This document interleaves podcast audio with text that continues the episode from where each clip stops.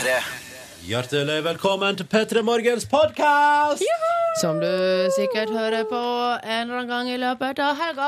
Eller i framtida. Kanskje du hører på i 2014. Jeg ser Vi fikk jo mail her for et par dager siden. Hva var Det Det var fra en utrolig hyggelig podkastlytter som hadde, helt, hadde begynt å høre på oss fra september i fjor. I Ja. alle dager. Altså et år tilbake igjen i tid. Det ligger visst ett år tilbake i på en måte arkivet, og vedkommende har nå gått inn og eh, på en måte Jeg så mye mailen, men han eller hun ikke. bare kan. Ja. Skulle vi ta litt mail i, mail i dag? Jeg kanskje skal ta litt med. Det har kommet inn litt forskjellig. Jeg har merket av et par. Vi tar, vi tar en runde på det, men det blir først i bonussporet. Ja, sånn Hvis du er førstegangsnedlaster, så er det sånn her det funker. Uh, nå får du først dagens sending. Vi hadde besøk av Anette og for Kim Kolstad fra Hotel Cæsar. De syns jeg var i god form i dag. Enig i dere? Enig. Absolutt. Veldig Mm. hyggelig besøk. Eh, og så eh, har vi eh, hatt andre til Silje har oppsummert eh, ukas overskrifter. Altså, det er mye som skjer. Eh, og så etterpå, når sendinga på en måte, når du har fått alt fra sendinga, så får du et bonusspor som er kun her på podkasten, kun for deg som laster ned, og som jeg vil kalle en litt mer intim og hyggelig greie. All right. Alright. Kan jeg ta med en etterslenger fra overskriftene òg i bonussporet? Ja, All right. det kan du. Men først, altså, dagens sending. OK, nå da. Nå er dere klare? da kjører vi.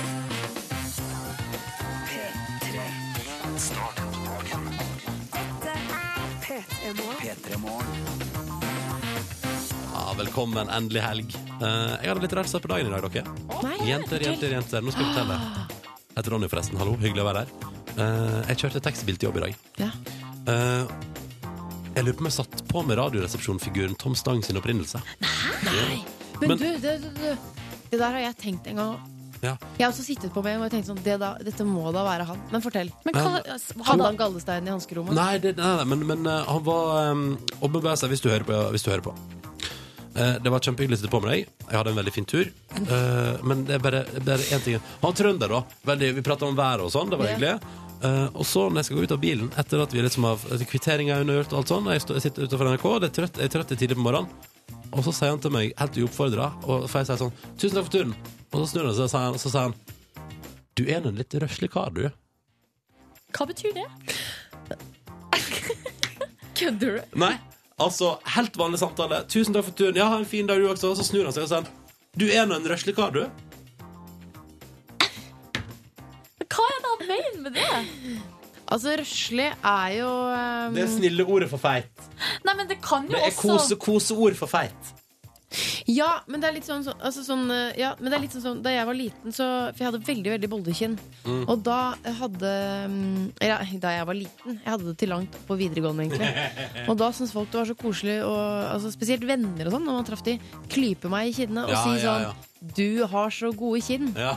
Og det er som å klype en feit person i magen og si Du har så, du har så god mage, du. Ja, ja. Det er ikke noe hyggelig. Men det, Men- er sånn som jeg tolker det, så kan røslig også bety, bety litt sånn raus, eller Og så kan man dra det videre Nei, til snill. nei. Røslig er Da er du stor. Ja, men eh, det- Jo, men han har en annen dialekt enn deg, Ronny. Men da er du en uh, Da er du en Du, du er en stor og koselig fyr. Det, det er jeg enig i. Ja. Uh, Men det var bare så rart, for det kom helt ja, uoppfordra. det var, Det var en veldig fint, det var veldig fin taxitur, men det var bare så rart. Og liksom at det siste som ble sagt før jeg går ut av bilen, er Du er nå en røslig fyr. Men hva svarte du? Takk. Du sa takk. Du er stygg i trynet.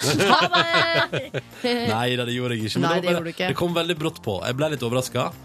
og så var det noe sånn det var. Og så tenker jeg sånn, ja, ja, men Da tar jeg med meg den i dagen. Jeg er en røslig fyr. Velkommen til Petter Morgen, jeg er røslig. Og disse to andre er for tida sexy på internett. Ja da, for dere er jo det.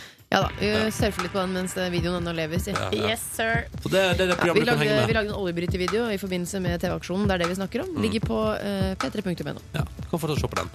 Så da, røslig og sexy, dette er P3 Morgen. Velkommen skal du være. Det er fredag, og vi kjører partystemning, men vi må også ha litt sånn god musikk. Sånn, sånn som bare varmer litt i hjertet. Og da blir det Massive Attack aller første dagens sending. Hm? Du er nå en røslig fyr. Tusen takk. Det er jo rart å si. Ja, det er rart Det er veldig rart å si. Det er veldig rart å si. Mm. Men nå skal den røslige karen høre på Massive Attack.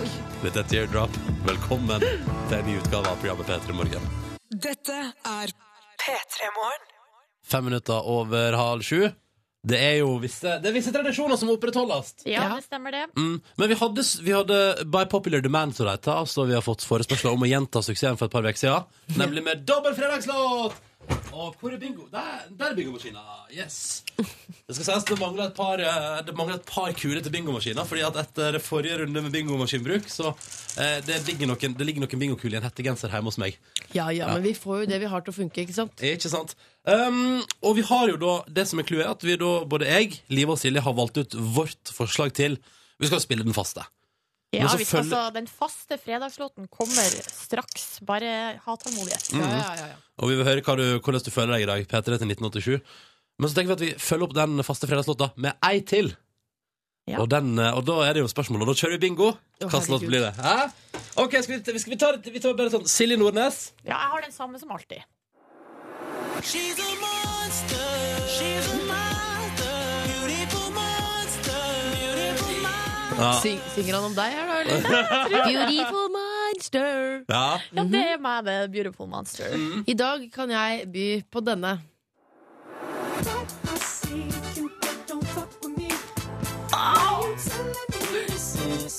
Justin og jeg gruser Beautiful Monster, som du hører. ja, vi får se, Ja, da. vi får se. Ja, du, ja, topplåta der, da. Jeg Ja. har valgt meg denne for anledninga. For en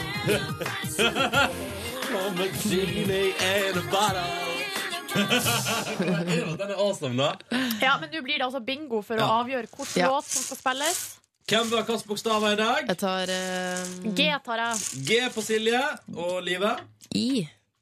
I Nei, det på har jeg Live. ikke noe troa på. Jeg tar B. Nei, hva tok du? Jeg tok G. Nå er det selvfølgelig bokstavene i ordet Da tar jeg bingo. N. N. N. N. N og G. Da Ja. tar jeg, da tar jeg I. Ja, Ok, da Tar du Gi? det er rar, Jeg bi rar bingo, det her. Mm, men Ja. den er litt ekstra spennende. Så. Kommer det noe ut, eller? Der. Der, oi, oi! Ronny, Nei, du mista den. Den ligger her en plass. Her er Den ligger der borte. Her er den. her er den Åh! Oi, oi, oi. Men eh, ja. Så du hva det sto på den, Silje? Nei. Nei. Å, vi har en vinner! Åh. Hva tok du, Live? Jeg tok N. Hva tok du, Silje? G. Og Og, du tok jeg tok I. I. Vi har en vinner. Vet du hva? Liven Elvik, du har altså så flaks. Nå blir det Snoop Dogg og Justin Timberlake med Science. Å, dere kommer til å elske det. kommer til å kose dere så fælt. Ja, det blir dritbra, det. Ja. Men først så tar vi over faste. Oh yes, Hvor er du, hvem er du, og hvor godt elsker Eller hvor hardt elsker du fredag og på Åpa? Og hvor glad er du for at det er fredag? P3. Oh, oh, oh. Dette er Snoop Dogg og Justin Timberlake med Science. Ja, Og har, folk eh, elsker deg i innboksen, vet du. P3 til 1987. Live Nelvik vant dagens eh, lille interne konkurranse i P3 Morgen om å få lov til å spille fredagslåt nummer to! Jeg har i hvert fall gitt meg selv gåsehud. eh, Og tydeligvis mange andre også. Tom André, for eksempel. Dette digger jeg hardt. Jeg håper hårene på kroppen reiste seg uh, hos dere også. Og du har jo stått her og rappa nesten hele låta. Vet du hva? Den er uh, Jeg vil si det er en perfekt låt. Og så liker jeg uh, den SMS-en som kom til her. Eh, nå er det noen som har satt i bilen sin for å høre ferdig den låta her. Og opp, opp, og står der. Og fremme på jobb, eh, midt i opp, opp, og så neste fredag kjører jeg ti minutter senere til jobb. Synes det er fint. Ja, det er topp. det er topp Dette var to fredager satt opp på rad. Dette her synes jeg er en fin tradisjon. Altså- nå, er det, nå kommer helga jeg komme.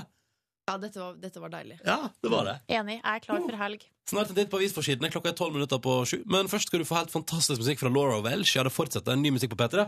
Og før den igjen, ja, så tar vi med oss litt grann Bastille i P3 Morgen. Fordi det er fredag, og fordi den låta er dritfin. Og fordi Bastille kommer på besøk til Oslo for å spille konsert om tre uker, tror jeg. Ja, tror det. Dette er en låt som heter Laura Palmer i P3 Morgen. God fredag! det er snart helg. P3. Laura Welsh på NRK P3. Rykende fersk musikk på våre spillelister. Jeg synes den er helt nydelig. Undiscovered heter den, og du fikk den i P3 Morgen. Før den så hørte du Bastille og Laura Palmer. Klokka den er seks minutter på sju, og avisene vet du, gir oss en indikasjon på hva som er viktig i dag, hvis vi ser på deres eh, forside. Uh, og da kan du lære deg å lage supergod taco uh, på forsida til Dagbladet i dag. Topp, det. Um, og så kan du i Dagens Næringsliv lese at hun landbruksministeren Nå er det forskjellige kilder da, som sier at hun har jobba for Rema 1000 nå fram til etter valget, faktisk. Ja, det er, ja, det er forsiden av Aftenposten, ja. Um, Og Dagbladet. Nei, Dagens Næringsliv. Ja, nettopp. Ja, ja, for at nå sier to av Norges fremste juridiske eksperter at det, er ulovlig å holde den kundelisten hemmelig. Hun kommer jo fra First House PR-bransje. Oh yes. Uh, og og det, er litt, det, det virker jo litt rart å skulle sitte og, altså, øverst i dette landet og så har du hatt, kund, altså, du har hatt en kundeliste som vi da ikke skal få vite om. Jeg syns det virker mer redelig å skulle legge korta på bordet. Og det som er trist, er at nå har det vært sånn kjempesak hele veka, og folk har masa om dette her, og hun har sagt nei, vi vil ikke se det, vil ikke se det, får ikke vite det. Og så kommer det jo fram uansett. Ja, Den nyhetssaken her kunne vært fire dager kortere, da. Det er det jeg ikke forstår, og jeg forstår ikke hvorfor de som er rådgivere til de her politikerne, ikke lærer. For at greia er at Og det, sånn er det bare. Hvis du legger deg flat med en gang, eller hvis du er ærlig med en gang, så er det ikke noe sak. Da dør saken. Og ryktene sier jo at hun har blant annet har Rema 1000 på kundelisten, og nå ja er en landbruks- og matminister. Da blir det jo litt sånn mm. Ja vel, ja vel. Så Den det, den saken her, den tror jeg ikke Den er nok ikke død ennå. Nei da, lever godt i hele helga. Den Ja. kanskje gått til neste uke også. Andre ting dere har lagt merke til på forsiden i dag? Det er kongestoff både på VG og Dagbladet. Og det Ny er, bok. det, er, ja, det er fordi at det er en ny bok. Jeg har sittet helt forgapt i en artikkel her i Dagbladet, som er altså basert på denne boka.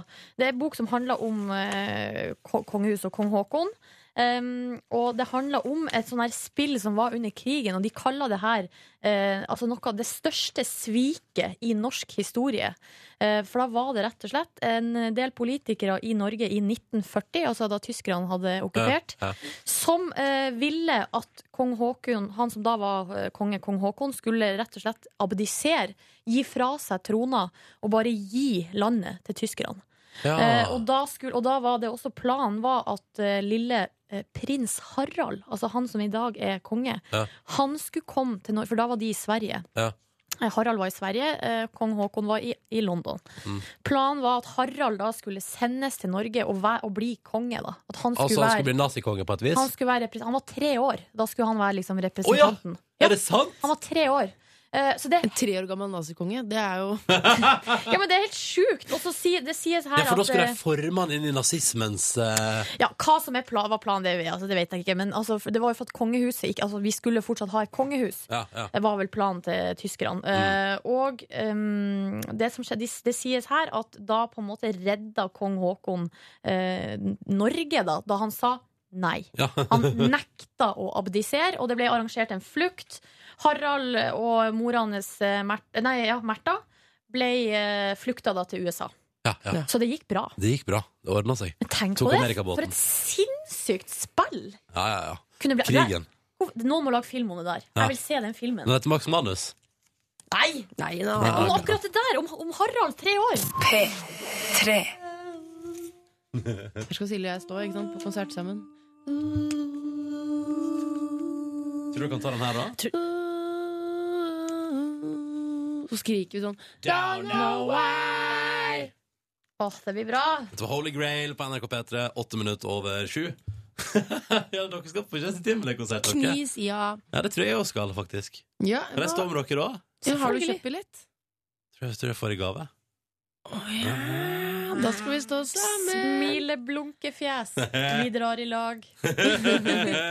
Møtes på A-feltet Ja, ikke sant? nest bak. Kanskje, litt, kanskje ta bare et lite forspill på, på Fridays eh, først. TGI Fridays. Jeg spiller sikkert Justin Timberlake-låter hele dagen. Ja. Ja, det blir gøy. Nok om Justin Timberlake. Nå er det konkurransetid på P3. Årsak. Vi skal prøve å få delt ut en digital radio til hver deltaker på telefon. Men da må alle svare riktig på de spørsmålene som blir stilt i vår konkurranse. Alle regler og sånn, det tar vi, tar vi på sikt. Vi må først hilse på deltakerne våre, nemlig. God morgen, Vebjørn. Hallo. Hallo fra Rakkestad. Hvor det står til? Det.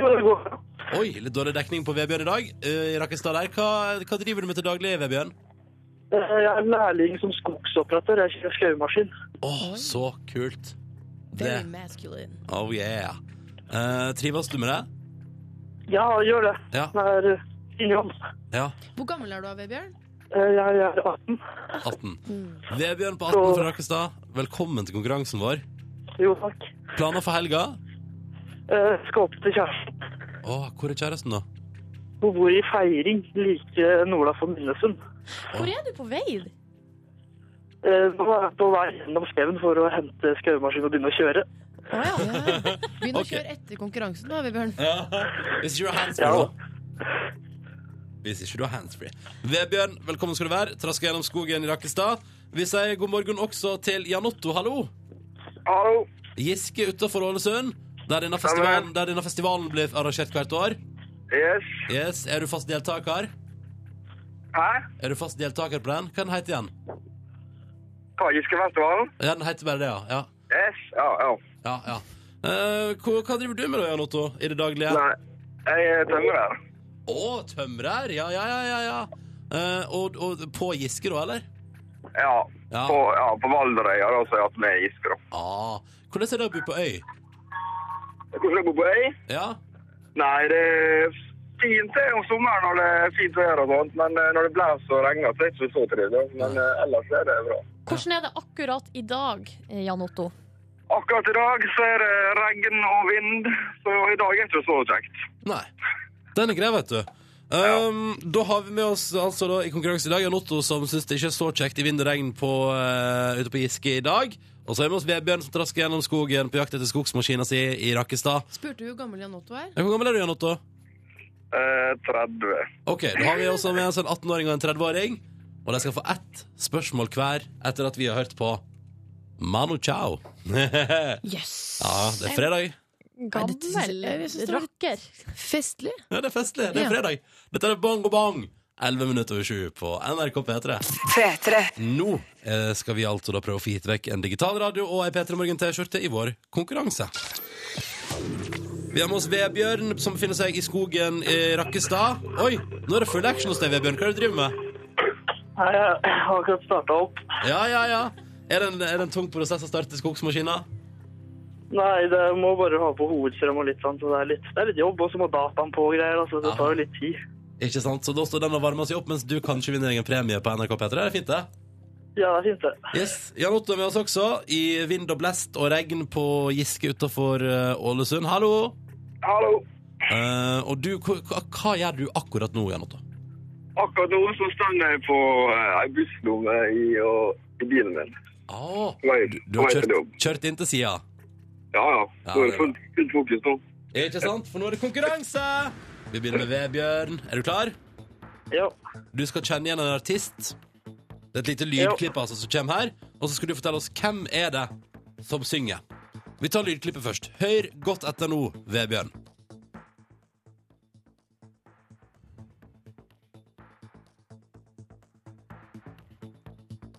Og hvem var dette der?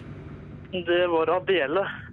Mm, den britiske sangerinnen som tok verden med storm for et par år siden. Yes. Mhm, det er helt riktig!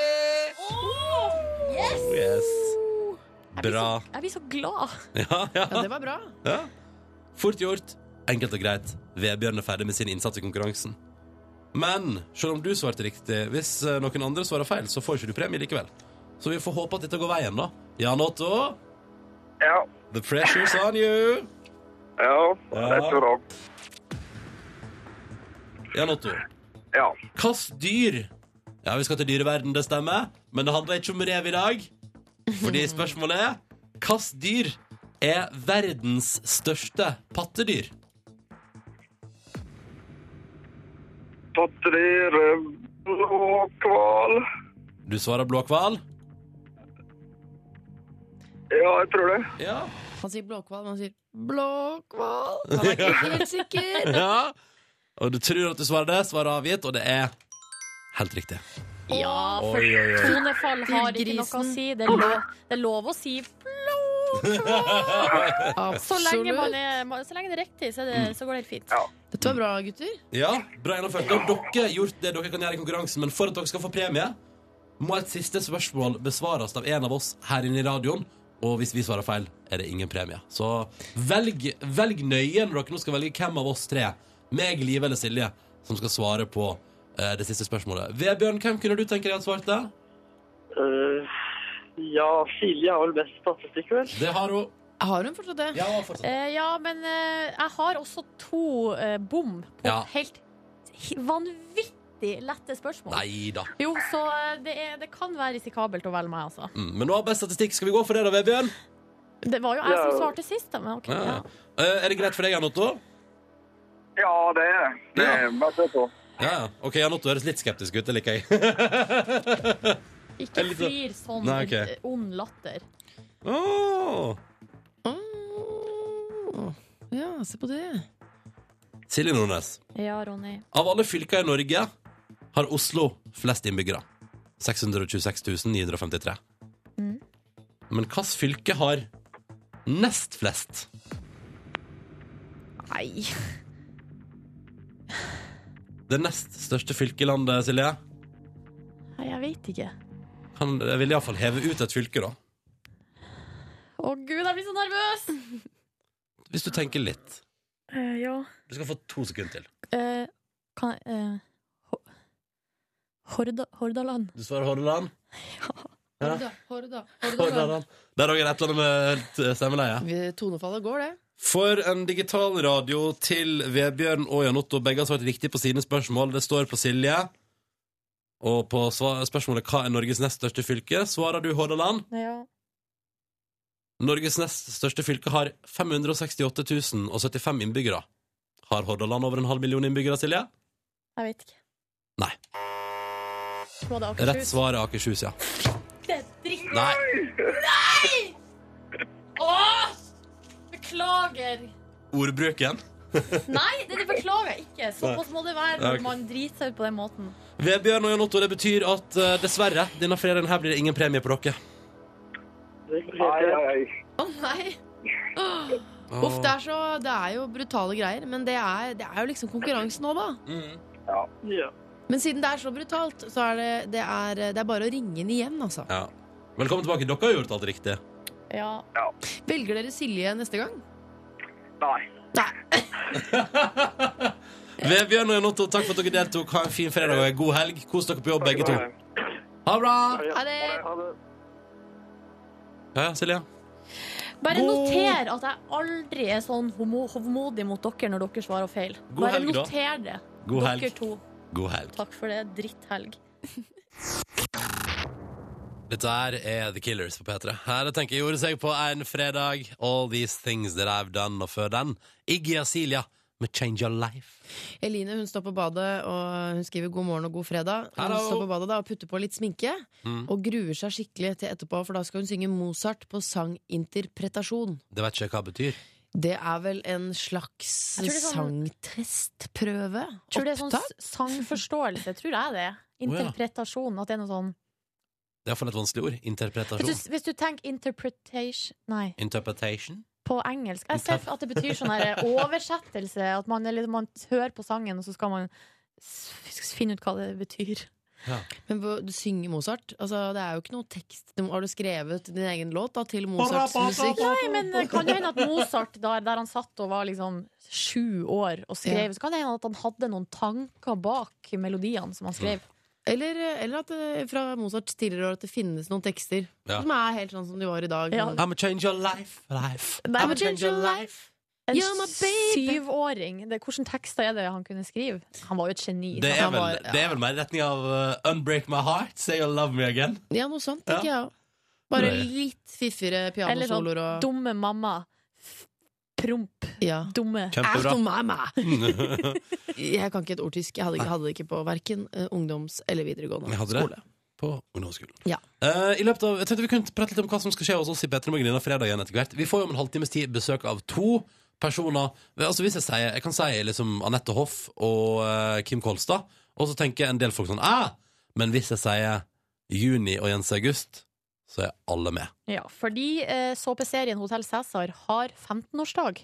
Har blitt en sånn skikkelig trassig tenåring. Mm. Um, og uh, derfor så kommer de på besøk i dag. Alle, altså, eh, Hotell Cæsar er som TV-en Se og Hør. Det er sånn Nei, jeg ser ikke på det. Jo, det Og er så det. ser du på det. Jo det er det. Jeg har, men jeg vil ikke oute vedkommende. Men jeg har et nært familiemedlem, familiemedlem som ser på det. Eh, Det er liksom gulroten hver dag. Oh, ja. Oi! Så hvis jeg ringer, så er det sånn Å ja, sorry, nei, nå ringte jeg deg mitt hotell. Må, du må ringe meg tilbake. Er det to- midt i- er det Tore? Er det Tore Sagen? Det stemmer. I tillegg Nei, det er ikke det! Ok. I tillegg så skal eh, Klarer ikke å la den stå. Ellie Golding i P3 Morgen og låta som heter Burn. Fem, straks seks minutter over halv åtte. Jeg skal fortelle dere at klokka blir seks minutter over halv åtte akkurat der. Sånn! Der, er, ja. da er vi det mest eh, Det morgenprogrammet på norsk radio som akkurat nå er mest oppdatert på tida. Yeah! Tid er viktig på morgenen. Yep. Og Tid vi er er også oppdatert på overskrifter, og overskrifter som har vært uh, artig denne uka. Det er ditt ansvarsområde, Ja. Nordnes. Eh, vi, eh, jeg skal selvfølgelig gå gjennom eh, de beste tipsene som jeg har fått denne uka. Det er fra du der ute som har, har sendt meg tips om de Mm. artig- artigste overskriftene denne uka. Men først så må jeg jo selvfølgelig innom ja, Det begynner å bli nå min favoritt-nettavis Ja. i hele verden. Ja. Det er Salangen Nyheter. I forrige uke hadde de jo ny hylle på Prix. Det var sikkert den mest delte saken i hele Norge. Det tror jeg Har det kommet noen oppfølgingssak om at ordføreren åpnet denne nye Nei. Nei? Ingen oppfølgingssak på ny hylle på Prix. Underlig. Kanskje Salangen Nyheter skulle bli litt bedre på å følge opp sakene sine med Jo, fordi- de er vanligvis veldig gode på det. Okay, ja, ok. Ja. Kanskje de jobber med det. Altså. Det Kanskje han ikke ikke har vært der ennå. ja, Kanskje kommer bildespesial neste uke, f.eks. Det tipper jeg. Men de har en annen sak som er, som er veldig interessant, den òg. Eh, Overskrifta er 'logo på feil plass'. Oh. har skjedd? Eh, det er, Nå leser jeg. Det er sikkert flere som har lagt merke til at logoen til Sport1 henger på vinduet til drosjesentralen i Salangen. Oi, nei! Har de to bedriftene slått seg sammen? Stiller artikkelforfatteren spørsmål om. Spennende bedrift. Ja. Eller er logoen glemt igjen da Sport1 flytta sine lokaler over til bygget ved sida av Nav? Nei, nei, nei, nei. Jeg satser alle pengene mine på forslag 1. At Sport1 og Sa- Salangen drosjesentral har slått seg sammen. Ja, ja, vi får egentlig ikke så mye Og det kommer ikke svar på spørsmålet. Nei, eller det som, det som står helt til slutt er Det, når det er altså så mye flytting og rotering av lokaler i Salangen, Ja. så er det ikke alltid lett å huske på å, å pakke ned alt sammen. Mm. Eh, og da kan man glemme igjen ting, eh, akkurat som denne logoen da, til Sport1 som har blitt heggende igjen på vinduet. Mm. For nå har drosjesentralen ikke sant, flytta inn der. Kan man bli forvirra. Lollete overskrift fra denne veka her. Jeg setter pengene mine på alternativ A. Her er det en sammenslåing av bedrifter. Ja, jeg, da satser jeg på B. Uh, Lollete overskrift, og det kommer flere, Silje Nordnes. Eh, straks. Ja, Da blir det en oppsummering av deg. Altså, Hvis vi tar vekk Salangen nyheter, da, så er det fortsatt ganske mange morsomme overskrifter denne veka her. Og de skal vi gå gjennom om ikke så altfor lenge. Petter i morgen. Først den låta jeg gleder meg sånn til å spille. Jeg gleder meg sånn til å spille den. Nuni Bao heter hun. Hun er fra Sverige. Hun synger på I Could Be The One av Avicii og Nikki Romero. Husk at bestemoren din hører på. Bare sånn at uh, ja. Ja, men du. Den låta, det, er en, det er en Ebba Grøn-cover. ja.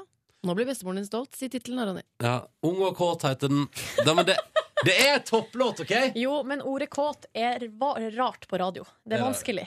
Ja, Men eh, låta er Spesielt når bestemor hører på. Hei, hei, hei. Dere, nå hører vi på den. Skru opp lyden. Fra et kommende album der eh, unge svenske artister covra låta av Ebba Grøn. Dette her var altså Noni Bao og hennes Ung og kåt. Nå har ikke jeg hørt originalen, men jeg begynner å Altså, det lukter jo Grabber'n av grus. eh, sving over denne låta. Det var ung, og jeg var kåt, og det, det, det, det, dette er eh, mm. Men heldigvis er den så mye finere enn det tittelen skulle tilsi. Nydelig cover Mm. på en låt som jeg da ikke kjenner originalen til. Nei, Og jeg tror ikke jeg vil høre originalen heller, Nei, for den er er sikkert ikke så, så fin i melodien. Nei, det tror ikke jeg heller.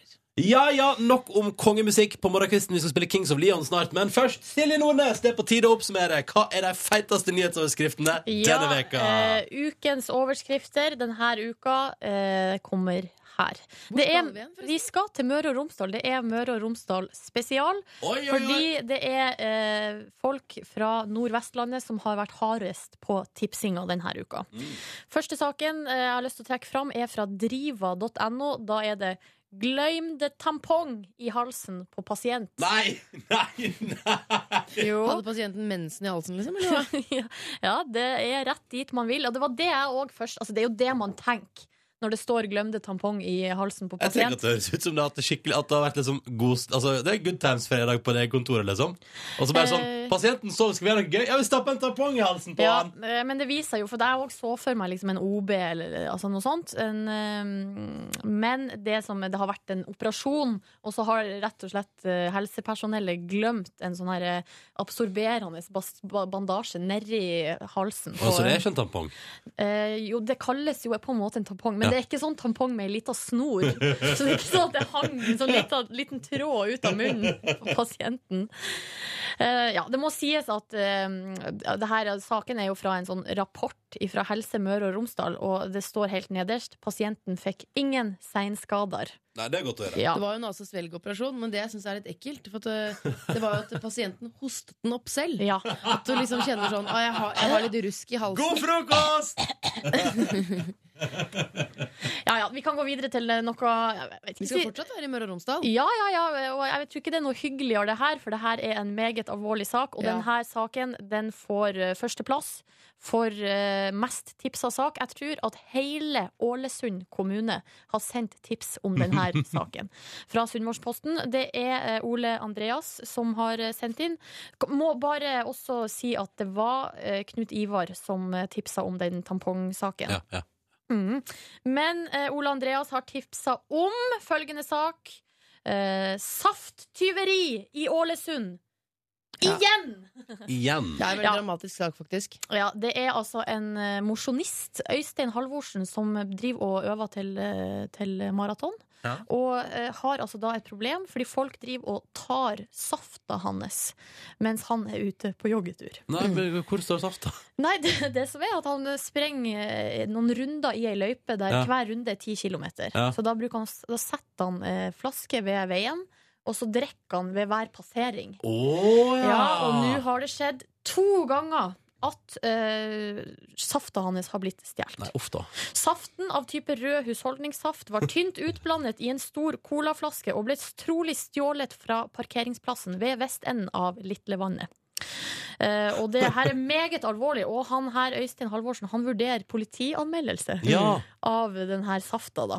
Han sier jo uh, i en kommentar da, så sier han å drikke andres saft, det er ikke pent. Nei, det er skikkelig Og det er dårlig jeg gjort. helt enig i. Jeg det er helt på kanten av hva, av hva jeg som menneske kan akseptere. Da. Mm. Hvis jeg har satt ut en flaske med saft, og så kommer andre og drikker av den. Mm. Nei, det syns jeg er Ja, Ja, det er skikkelig dårlig gjort. Har du Eh, rasende sjøl? Og så her er jo politiet, altså operasjonsleder i Sunnmøre politi, politidistrikt, uttaler seg da i denne saken, helt Ja. nederst. Hva sier Nei, eh, han blir- eh, jeg råder han til å skjule saftflaska.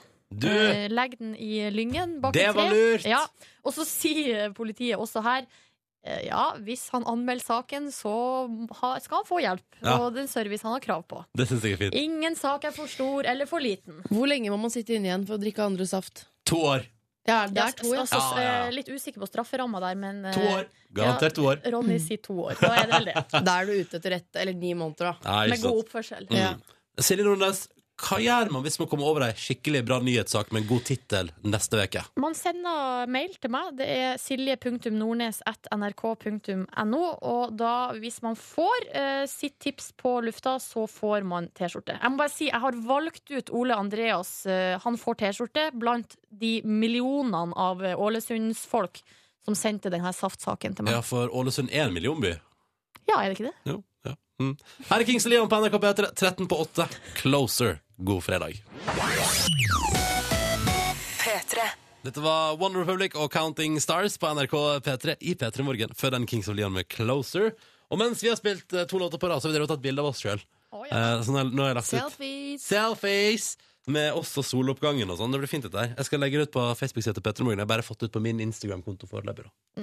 Det kommer. Og Ja. i stad så snakka vi om det her eh, skandaløse safttyveriet oppe i Ålesund. Det går pinadø ikke an å sette ei flaske saft på veien uten at folk drar fær og Det er jævla irriterende! Ja, sinnssykt irriterende. Så vi snakka om strafferamma. Du, Ronny, sa eh, opptil eh, to års Altså to Tippa. år. Jeg tippa. Du tippa to år. Mm. Eh, Jeg sa at jeg slang meg på det, så sa jeg ute etter ni Mm. måneder. ja, med god oppførsel. Nå har Thomas skrevet ettersom jeg antar at safta ikke var verdt over 1000 kroner, så er safttyveriet strengt tatt nasking og straffes med opptil seks måneders fengsel pluss bøter opptil 1000 kroner. Så da har vi fått svar på det. Så greit å vite. Jeg lurer på hva strafferammen er for å skyte mannen på do. Det høres ut som en ganske hard strafferamme der, du. nei, ok, ok, Det kom litt feil ut, da. Fordi det er en sak i Aftenposten i dag. Jeger skjøt mann på do. Ja. Og da, Først må jeg bare eh, si at dette eh, fikk ikke noe dramatisk utfall. Men jeg, det satte i gang Jeg tenkte jøss, har det startet en helt Det er en egen type jakt. Men altså, dette er i, i mitt hode, da. Mm. Hvor man jakter på folk som sitter på utedo. Det er jo sånn det høres ut. Jeger skjøt mann på do. Det er jo et bomskudd. En fyr som var på elgjakt, bomma på elgen. Skjøt i, i rett i- Altså, kula gikk da inn i en uh, dovegg. Ja. Ja. Eh, og dette har gått kjempebra for alle. Uh, til og med for elgen, da, som jo slapp unna. Men da tenkte jeg Jeger skjøt mann på do. Og det høres jo da ut som det er en egen jaktgren, hvor du bare går og lusker, lusker etter utedoer. Så er det sånn Bare gir du tegn til jeger- jaktkompisen din, sånn, sånn stille med fingeren sånn her, venstre. Ja. Og så bare sparker du inn døra og skyter folk på do. Nei! Men eh, nei, det er altså god gammeldags elgjakt gone wrong. Det er gøy hvis det er, hvis det er en egen trupp som liksom reiser rundt i fjell, fjellheimen i Norge. Nå må, du- nå må du ikke Må du være varsom med ironien din. Ja, men la, ikke sant, vi snakker jo ikke alvorlig her. Det må da være lov til å tøyse litt. Ja! Jeg tøysa så hardt med dette i sted at jeg lo så jeg fikk vondt i magen. Jeg begynte å gå rundt i studio og spille ut dette Kan du spille ut litt for oss nå? Men okay. hva er kvota, eller hva heter det der med altså, hvor mange man får lov til å mange går lov til å skyte, Ja. Ja. Må ikke, må ikke utrydde alle dokunder heller, Det, skulle er jeg ikke si. mer, det er ikke mer enn to. Ja, Nå driver Liv og lusker seg rundt i studio her. Ja, for det er maskingevær, liksom. Nei, nei, nei, nei, nei. Det. Er ikke lov i Norge. La oss ikke bryte loven. Jeg syns synd på den stakkars fyren eller personen som sitter og koser seg på do og bare aner fred og ingen fare. Det er veldig kort eh, jaktperiode, da. Det er bare, fra, det er bare en eh, Rett to, til middag. et Rett to middag. ukers vindu sånn eh, på høsten. Åh, nei, du, dette var gøy. oh! Men som sagt, det gikk bra med alle. Det Det gikk bra med alle. to på åtte. Her er ny fra Churches. P3. Det stemmer. Alle kjenner jo igjen disse tonene, Ja. vet du. Ja, ja. Mm. Um, Anette Hoff og Kim Kolstad er straks gjester i P3 Morgen. Uh, Hotell Cæsar fyller 15 år uh, eh, nå, og markerer og feirer. Og da tenker vi at det må vi også gjøre i P3 Morgen. Så det gjør vi ganske snart. For to bursdagsbarn Mm. Ja, det blir eh, det. i, i studio. Mm. Vi skulle hatt kake. Ja, Vi har pff, nei, vi har kaffe, oss. da. Vi har kaffe. Vi har kaffe, så sånn sett går det bra. Kaffe på rosa kanne. Kaffe på rosa kanne. Ja, da går alt bra. P3. Dette er Imagine Dragons på NRK P3. Straks åtte minutter over åtte. Låta heter On Top of the World. Og vi i P3 Morgen, det vil si meg også, hun Live Nelvik og Silje Nordnes, vi har fått besøk av Anette Hoff og Kim Kolstad. God morgen. God morgen. Skål så lyst, altså. Ja, jeg tror det ligger oppi der. Hotell Cæsar, 15 år. Wow. Men hvordan er morgenen deres, først og fremst? Nå i dag, eller? i dag. Eh, jo, i går så var vi Førstartet vi med en sånn litt uh, Vi hadde jo jubileumsdag faktisk i går, da. Ja. Da var det 15 år siden vi gikk på. TV Ja. for første gang.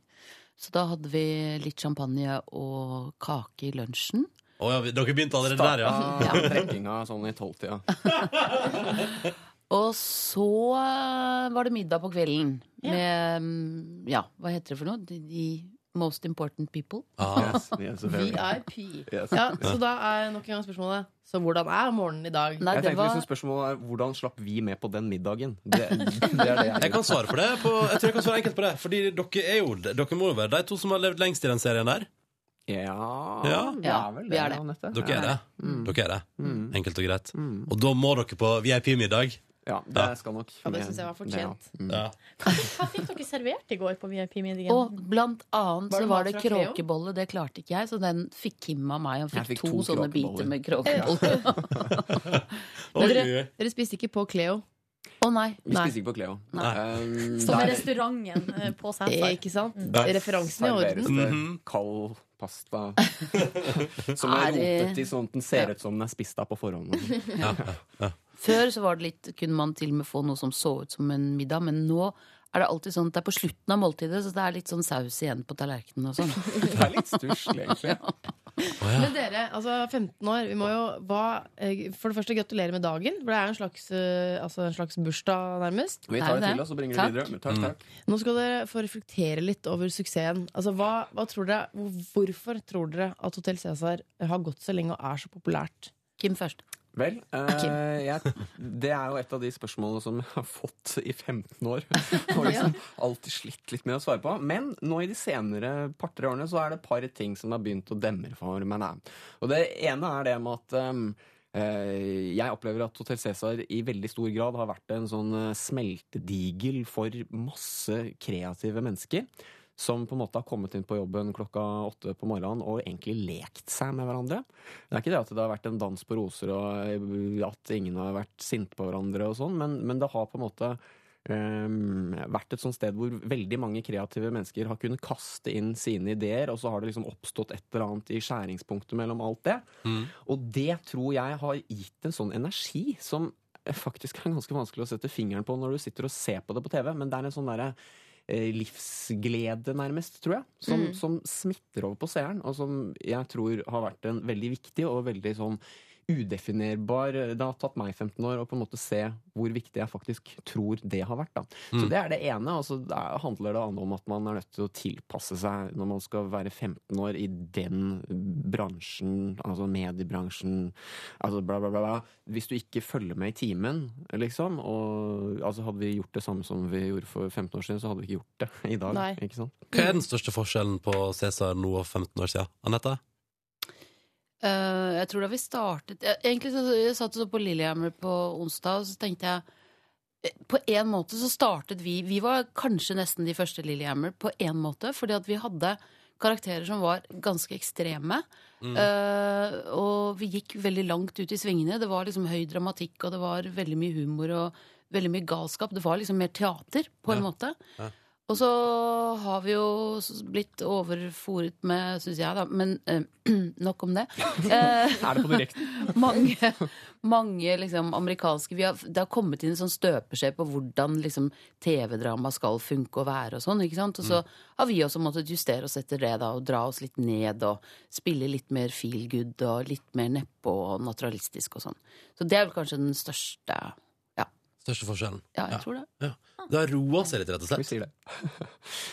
Litt grann. Ja, altså vi må jo samtidig så må vi jo alltid ikke sant, Når vi sitter med manusene på leseprøver og sånn, så får vi hele tiden vite sånn Det er en cliff. Det er en cliff.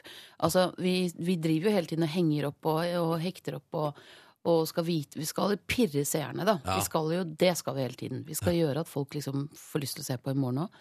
Men um, ja, kanskje, kanskje tatt ned spillestilen litt. Jeg vet ikke. Ja, altså er jo hele produksjonen altså Det sier seg sjøl, men, men altså blitt uendelig mye proffere i absolutt alle ledd og tannhjul. Det blir man på 15 år. Ja, man gjør det. ikke sant? Både fordi bransjen utvikler seg, og fordi, eh, fordi vi er nødt til å følge med på det, og fordi vi blir flinkere. Og fordi vi har lært et fag òg, ikke sant. Alle, alle har gjort det. Ja. Vi skal prate mer med Anette og Kim straks. Først her er Kave, en av dem på NRK P3. P3. P3.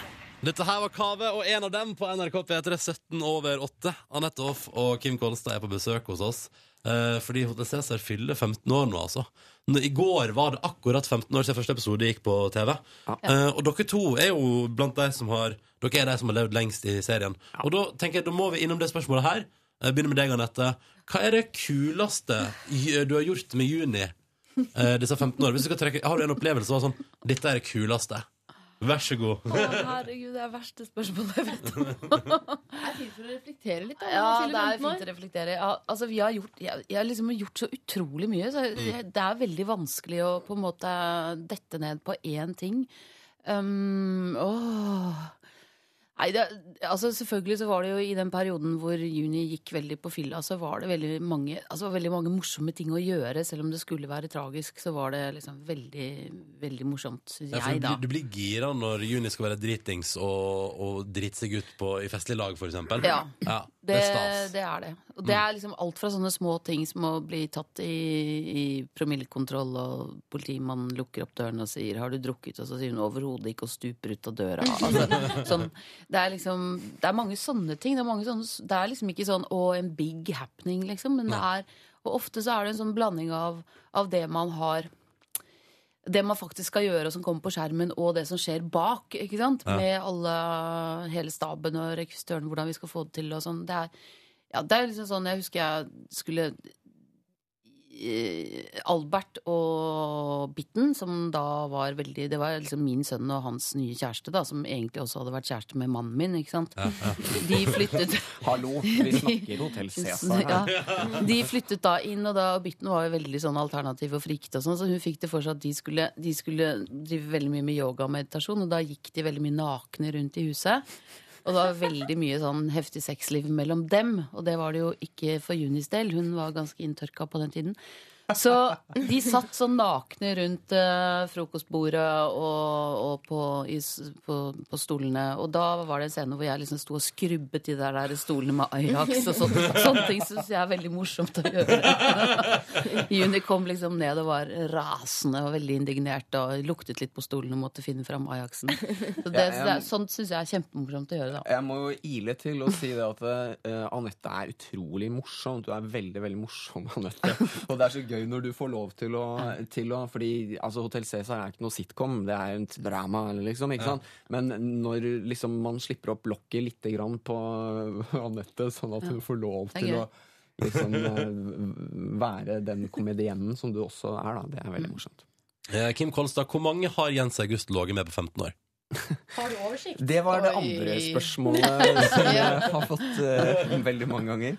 Uh, og jeg vet ikke det, liksom. Uh, men det er veldig rart, fordi, fordi igjen litt sånn som, altså sånn som alkoholismebagen til juni, da er liksom på en måte er blitt sånn ikke sant? Det er det, det første altså Når du tenker på John Travolta, så tenker du på Saturday Night Fever. Altså Alle har en sånn biggest hit, liksom. ikke sant? Og det er helt klart for Jens August. Det er damene, liksom. Han drar damer. Ja, ikke sant? I virkeligheten. altså sånn, de, de har lagt det helt på hylla, liksom. Han har ikke sjekka en dame på liksom to og et halvt år, eller noe sånt. nå. Men det er det første folk tenker på når de tenker på Jens August. Så det er helt klart en sånn bauta i, i folks uh, bevissthet når det gjelder han. da. Sånn er det å bygge et image. Ja. Men du har ikke tall på antall partnere? Jeg har ikke peiling. Nei, men så er det jo tidlig, forskjell. tidlig bort på søstera si. Han var tidlig borte på søstera. Uh, Riktignok uh, Han visste det ikke, da. uvitende. Ja. Ja. det var jo det, liksom. Men jeg liksom. føler der satte man liksom standarden. Ja, vi, vi la lista ganske romslig der, føler jeg. Så, men, eh, nei, men sånn i forhold til hva som er morsomt og sånn, Jeg syns jo nettopp det er de tingene, da, hvis jeg skal være litt sånn sleip og ikke i den ene gangen var det absolutt peak moment, liksom. Men sånn eh, litt mer sånn hva er de morsomme tingene, så syns jeg at det som er morsomt med den karakteren, er det at han gjør sånne ting som man bare ikke gjør. Ja. Ikke Men det er jo, altså apropos det, for det er jo veldig lenge siden, det var veldig i starten på serien, at uh, denne incesthistorien kom, da. Som jo var den som gjorde at Charlotte holdt på å begå selvmord når hun skjønte at hun hadde ligget med broren sin og sånn, for det var, de visste jo ikke at de var søsken. Men uh, jeg bare tenker på hvordan liksom TV-virkeligheten ser ut nå med Torsdag kveld fra Nydalen og Harald Eia som blir tatt sånn prostatatest på, på direkten på TV og sånn. Så tenker jeg at den gangen så var de historiene som vi leverte på Cæsar, det var sånn at uh, vi et par-tre uker etterpå så skulle vi opp og gjøre opptak i, i Holmenkollen kapell. Vi skulle lage sånn jule, Ja. julestemning derfra, og det var 50 statister i busser, og, og vi kom opp i pelser og jaguarer og alt som var, og så var kapellet stengt. For da hadde menighetsrådet akkurat hatt møte, og de hadde bestemt seg for at Cæsar skulle ikke inn for dørene der. Syndens hus! Så det, det var en av de dyreste dagene som vi har hatt, for vi måtte jo bare kjøre hjem. Ja. Vi fikk ikke gjort det opptaket. ikke sant? Så det, og, Det men ble i dag det så ville det liksom på en måte Hallo. Altså Det ville vært ingenting, ikke sant? Det er gøy. Det var, det var Ja. Det, Eh, Anette og Kim, dere jobba sammen litt, litt av og på, da, men i 15 år. da Og da tenker vi at eh, snart i P3 Morgen må vi finne ut hvor godt kjenner dere hverandre egentlig. Det blir fleip eller faktabasert underholdning i P3 Morgen straks. Først Avicii. Dette her er Levels i P3 Morgen når klokka nå er sju på halv ni. Topplåta til Miley Cyrus på morgenkvisten. Dette var Wrecking Ball når klokka nå er seks minutter over halv ni. Anette Off og Kim Kolstad er på besøk hos oss i P3 Morgen fordi Hotell Cæsar på dagen i går eh, var det akkurat 15 år siden første episode ble sendt. Og dere to er jo de som har vært med lengst i serien, og da tenker vi, og dere har jobba sammen, eh, spilt mye mot hverandre. Da blir vi nysgjerrige i P3 Morgen. Hvor godt kjenner Kim Kolstad og Anette Hoff hverandre? Ja. Og, og da tenkte vi at da er det ingenting som passer bedre enn å dra på med noen påstander. Så vi har bedt begge dere to om å forberede noen påstander om dere sjøl, og så skal den andre gjette er dette sant eller er det ikke sant. Det er en god idé. Og jeg lurer på om vi skal begynne Kim, du kan få begynne med en påstand. Ja, det er greit. Eh, Min eh, favorittlekonkel da jeg var liten, eh, hadde en marihuanaplantasje oppe å gå midt på beste vestkant i Oslo. Sånn cirka midten av 70-tallet. Er stemmer det eller ikke? Var det onkelen din? Nei, lekeonkel. Da sier jeg ja. Ja. Og svaret er eh, selvfølgelig han han det. Men jeg vet at du liksom, du vokste veldig mye opp på landet og sånn. Mm. Uh, så det ble litt sånn på beste, men hvis det var onkelen, ja, da kunne det stemme. Mm. Og det gjorde det. Anette, vær så god, påstand om deg. uh, har jeg fløyet glidefly over Mont Blanc? Ja. Mm. Det her er en god start. Ett poeng for hver. Det er mange historier jeg skulle gått litt sånn dypere inn i, men vi, vi freser videre. Vi freser videre. Ja. Vær så god, Kim. Ok, um, Hadde jeg astma som barn? Ja, Anette? Mm. Det har du aldri fortalt. Nei. Ser Kim ut som et astmabarn? Svar avgitt? Jeg tror ikke du hadde det. Det er helt riktig. Jeg hadde ikke ikke ja. Du er så sunn, så du, det kunne jeg ikke tenkt meg. Nei, jeg tenker sånn På 15 år så hadde man vel pratet om det én gang. Ja. Ja, Kanskje. ja. Da var det din tur igjen, Anette. Dette går jo strålende for begge to. Ja. Har jeg en gang hjulpet deg forbi en stor kø eh, på en flyplass i København? Åh, jeg vet ikke om det var i København, da, men uh, Var det ikke det? Var det ikke en mellomlanding? Eh, jeg vet at du har gjort det, så jeg tror jeg bare må nesten si ja.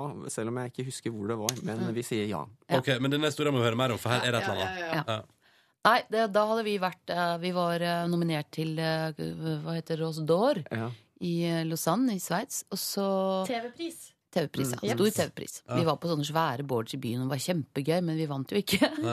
men uh, bodde på fint hotell og sånn. Og da var konen til Kim høygravid. Eh, så da vi skulle fly hjem, så var det plutselig sånn Jeg husker ikke om det var København eller Frankfurt. Vi måtte Nei, mellomlande. Ja. Og så plutselig så var det sånn Nei, det er fullt på flyet. Mm. Så alle kan ikke komme med. Og da hadde han akkurat ringt hjem og fått vite at vannet var gått. Herregud. Og så sto du der litt sånn blek og skjelven, og hva gjør jeg nå? Hva liksom, gjør du nå? Og da bare sa jeg Du går! Nå går du! Så bare dro han sånn gjennom, og så, så endte det med at vi kom med alle sammen, men da satt Kim sånn helt foran. Du, du kom ja, først kom på, først da. på flyet, Ja. takket være Anette. Ja, du, det, du, du, du bare Å, nå gjør du fødselen er mitt oppfølgingsspørsmål da. Unnskyld? Rakk du fødselen? Ja da, det, alt uh, gikk som det skulle. Å, fy søren. Ja. Takket være Anette. Nei, jeg har ikke noe med den fødselen å gjøre, men det er noen ganger som man bare må Da bare kjører man. Ja. Ja. Stillingen er 2-2. Siste okay. påstand. Og kom igjen. Ja. Kim. Uh, Jeg eier en, uh, en maskin til 10 000 kroner som gjør én ting, og det er å male frukt og grønnsaker til juice. Ja, det gjør du. Det er helt korrekt. Til 10 000 kroner? Ja. I ja, for du er en, du er en Du er jusfyr, jusfyr. antar jeg? Jeg er en, Du er en jusfyr? vel, jeg, jeg, Han putter alt mulig oppi der. jeg er utrolig opptatt av hva som gjør at jeg føler meg glad, da. Ja, ja. Ikke sant? Og, og for meg så er det sånn veldig opp hvis man først begynner å kjenne etter, så er det veldig tydelig hvilke ting som gjør det, og hvilke ting som ikke gjør det. Og en ting som gjør det, er uh, å spise bra mat. mat Det er just til 10 000 kroner, det er det det er. Ja, så jeg har gått og sikla på den maskinen veldig lenge. da Og så brukte jeg noen penger jeg egentlig ikke hadde til slutt. Men jeg har brukt en sånn billig en i flere år. Men så en dag så bare tenkte jeg faen, jeg skal ha den før jeg dør! Så det ble en juicemaskin for 10 000. Ja. Da, Jeg visste ikke at den var så dyr, men nå skjønner jeg. da er det 3-2 til Anette. Så hvis du oh nailer den også, Kim, da kjenner dere hverandre utrolig Jeg godt. vet det, det er- skru- skrur opp presset veldig. Altså, å være sist her, kjenner jeg. Men ok, ja, fyr løs, Anette. Um, har jeg en hangup på at jeg må pusse tenner etter lunsj? Dette Eh. bør man jo vite etter 15 år. Ja, men jeg har aldri sett deg liksom gjøre det hver dag på jobben. Du kan du selvfølgelig ha en hangup på det uansett, men jeg får vel nesten si nei, for du har i hvert fall ikke gjort det så veldig mye som jeg har lagt merke til. Det er jo ikke sant! For du gjør det. Ja, jeg gjør det veldig Ja. Nei, men i alle dager! Han vant der! På en så dagligdags ved ting! siden av hverandre, liksom. Ja, ja. Vet du hva? Er det premie? Det er en kopp kaffe. Heder, ære og ei lita fanfare! Nei. Du skulle vært den derre Dere vet hva, vi må hoppe rett Dere skal springe videre, nemlig, så vi må hoppe rett til vår siste post. Og det er vår spørsmålsstafett. Oi. Og da er det så enkelt Annette og Kim, at dere skal få et spørsmål fra gårsdagens gjest, Gaute Grøtta Grav. Ja. Og han stiller følgende spørsmål til dere to. Jeg lurer veldig på eh, når kommer Hotell Cæsar-filmen? Oi. Den skulle jo egentlig kommet i sånn For lengst. 1999 eller noe sånt, tror jeg. snakk om det? Ja, det har det. Det har vært snakk om det, ja. Mm. Nå føler jeg vel at øh, ja, den er kanskje liksom gått litt sånn over øh, litt sånn Best by date, den ideen. Men nå som. Gaute bringer det opp igjen, så, så kanskje vi skal Kanskje vi skal Ja, Jeg hadde jo også en idé om at vi skulle dra på sommershow rundt i Norge. Eh, og at vi skulle ta inn Vi skulle bo liksom på de fineste hotellene, og så skulle, vi, skulle ordføreren komme og ta imot Astrid og Juni og hele familien. Og, og så skulle vi også liksom dele ut så og så mange statistroller til hver, hver showforestilling. Hadde en veldig sånn idé om det. Spille de, spille de mest populære scenene Ja, ja. på ja, Ja. live og sånn. Ja. Mm. Og ja. Så mm, Men filmen er ikke planlagt. det er mange gode ideer som vi kunne tatt opsjon på. Altså. Ja, ja, klart Høres ut som sommer- sommershowet kommer sommeren Oi, oi, 2014. oi. 2014. Da er det eh, turné i hele landet. Og så lurer vi på, da, på tampen her, Anette og Kim Har dere nå lyst til å stille et spørsmål videre til våre neste gjester? Ja, men det er jo ikke frivillig. Man må gjøre det. Ja, man må gjøre det. Ja, ja, ja, ja, jeg har et spørsmål, for jeg hører at de gutta driver gjør sånne farlige ting. Ja, for det er ikke jeg dette hjemme, programlederne Per Olav og Rune, som kommer på besøk til oss neste gang. Og da uh, lurer i hvert fall jeg på, da kan ikke, hva, hva er liksom uh, den farligste tingen dere, du til hver av dere, har gjort? Ikke nødvendigvis i programmet, men jeg er ute etter da du nesten daua. Helt på ordentlig.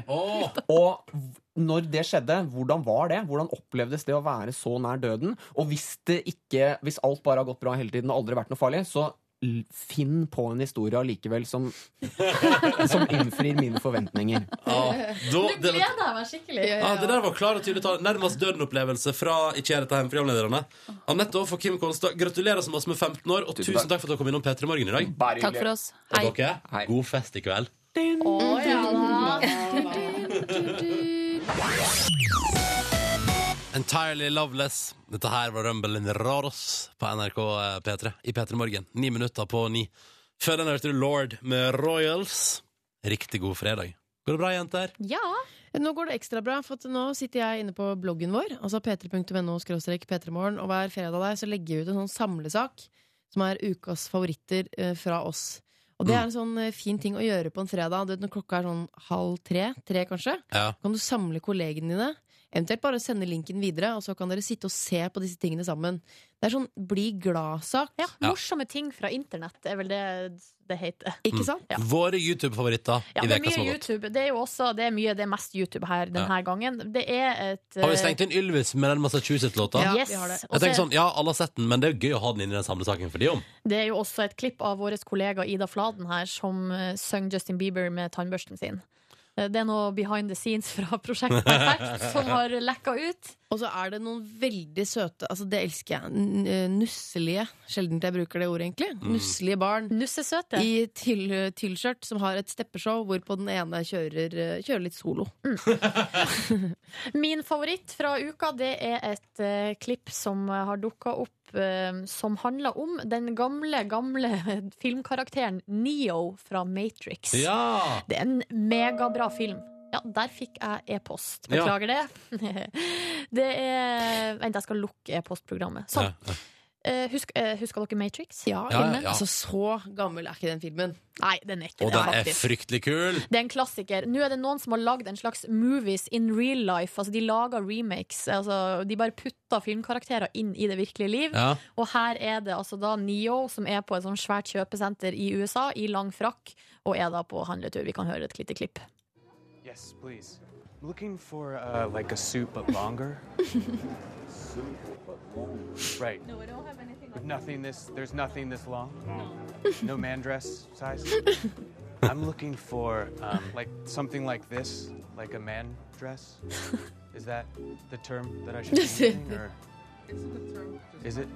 What's the longest kind of jacket that you have? På vei til Matrix-frakk. Right.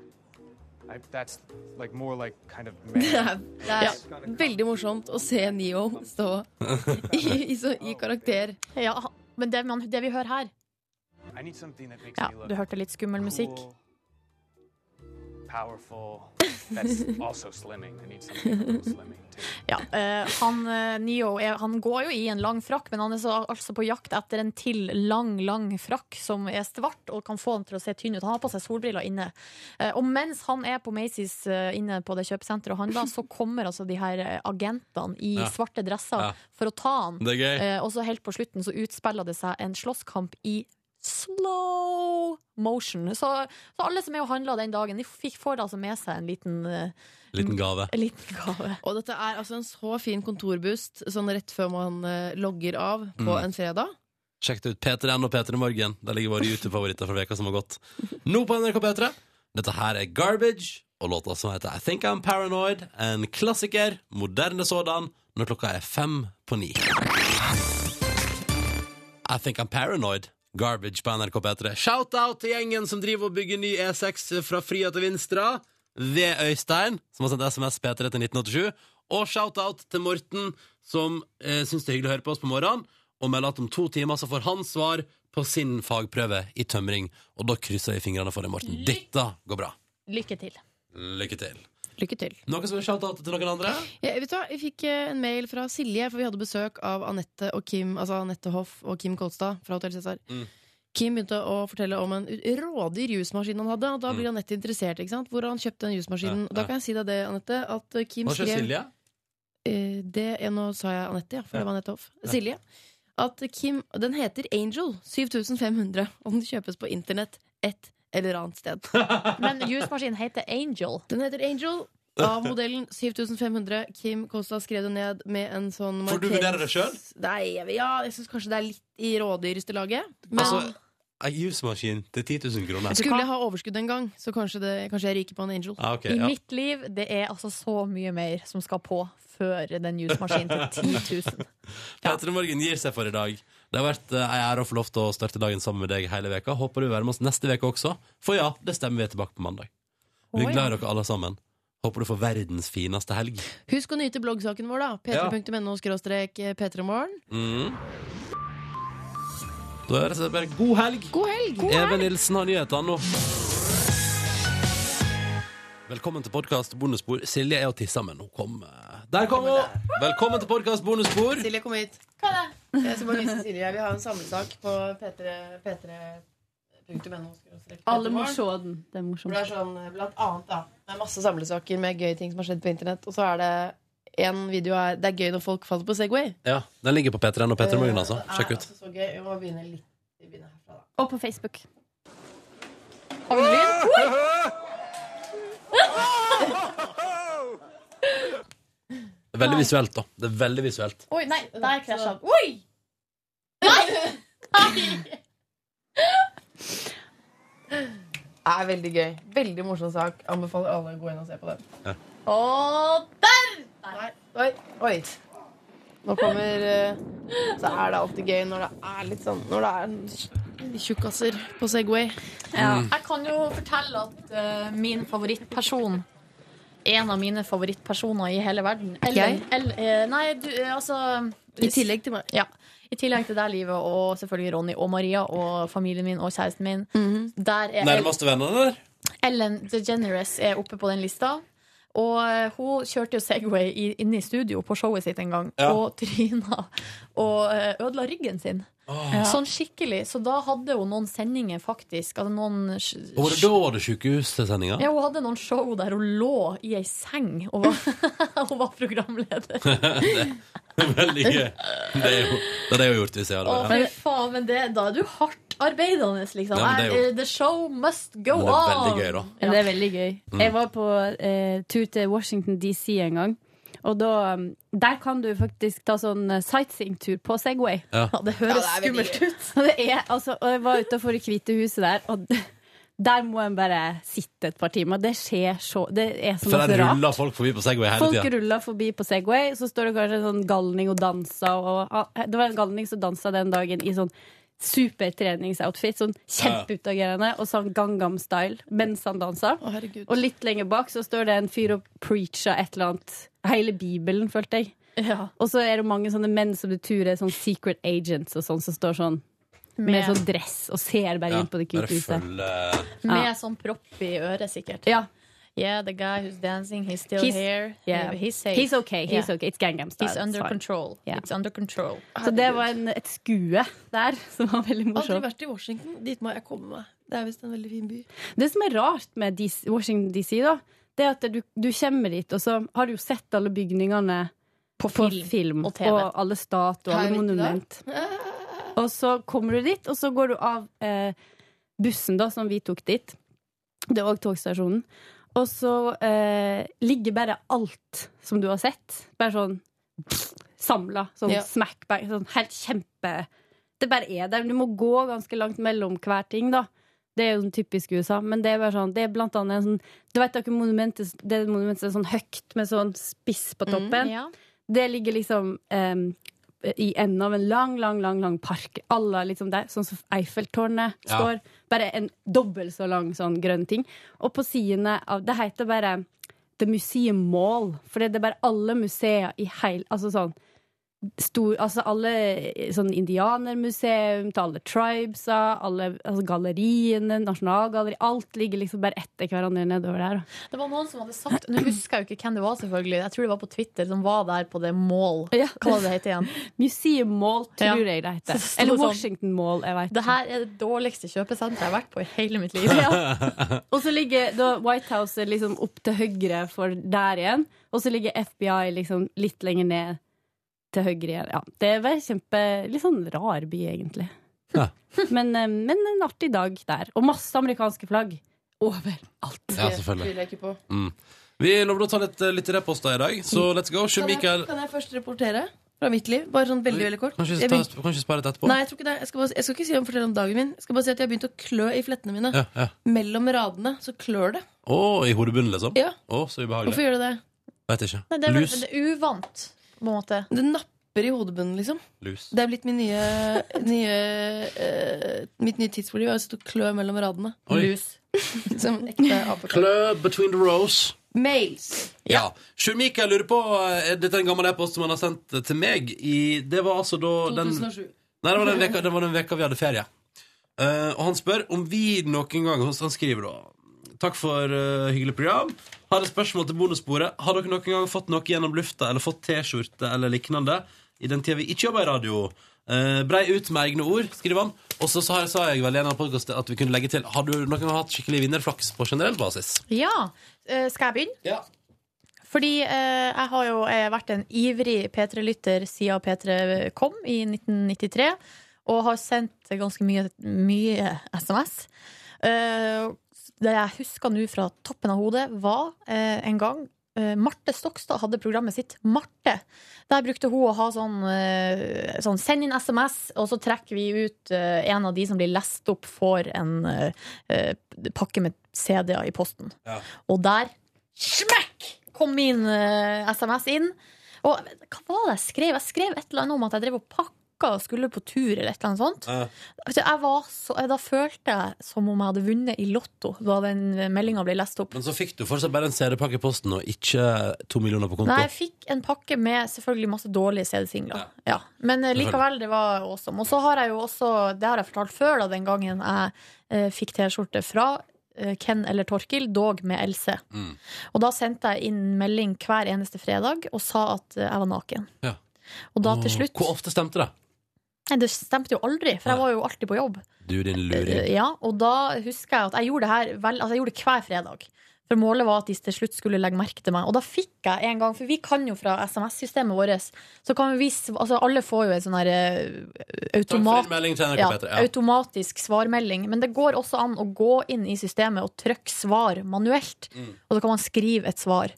Og en gang så fikk jeg et sånt Altså jeg skrev 'Hei, jeg er naken, må, jeg vil gjerne ha ei T-skjorte', eller 'Jeg må ha det nå, jeg er naken, frys'. Og da fikk jeg melding tilbake der det sto 'Det ble ikke deg'. og så, men jeg var persistent, sto på, sendte melding hver fredag, og til slutt en dag så, si, så tror jeg Torkil sa sånn ja, eh, så har vi fått melding her fra ei som skriver at hun er naken, og da blir det T-skjorte. Eh, naken, naken, naken. Og så spør Ken Ble du kåt nå?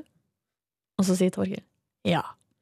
Og så kom det musikk. Du har fått drillpikkene t-skjorta. Jo, men den har jeg fått av ei venninne som altså har vært så uh, iherdig. Og hun vant flere T-skjorter av oh, ja. dere. Mm, så den har jeg hjemme. Ja. Ja, ikke den derre I love DP, som Nei. selvfølgelig henger høyest.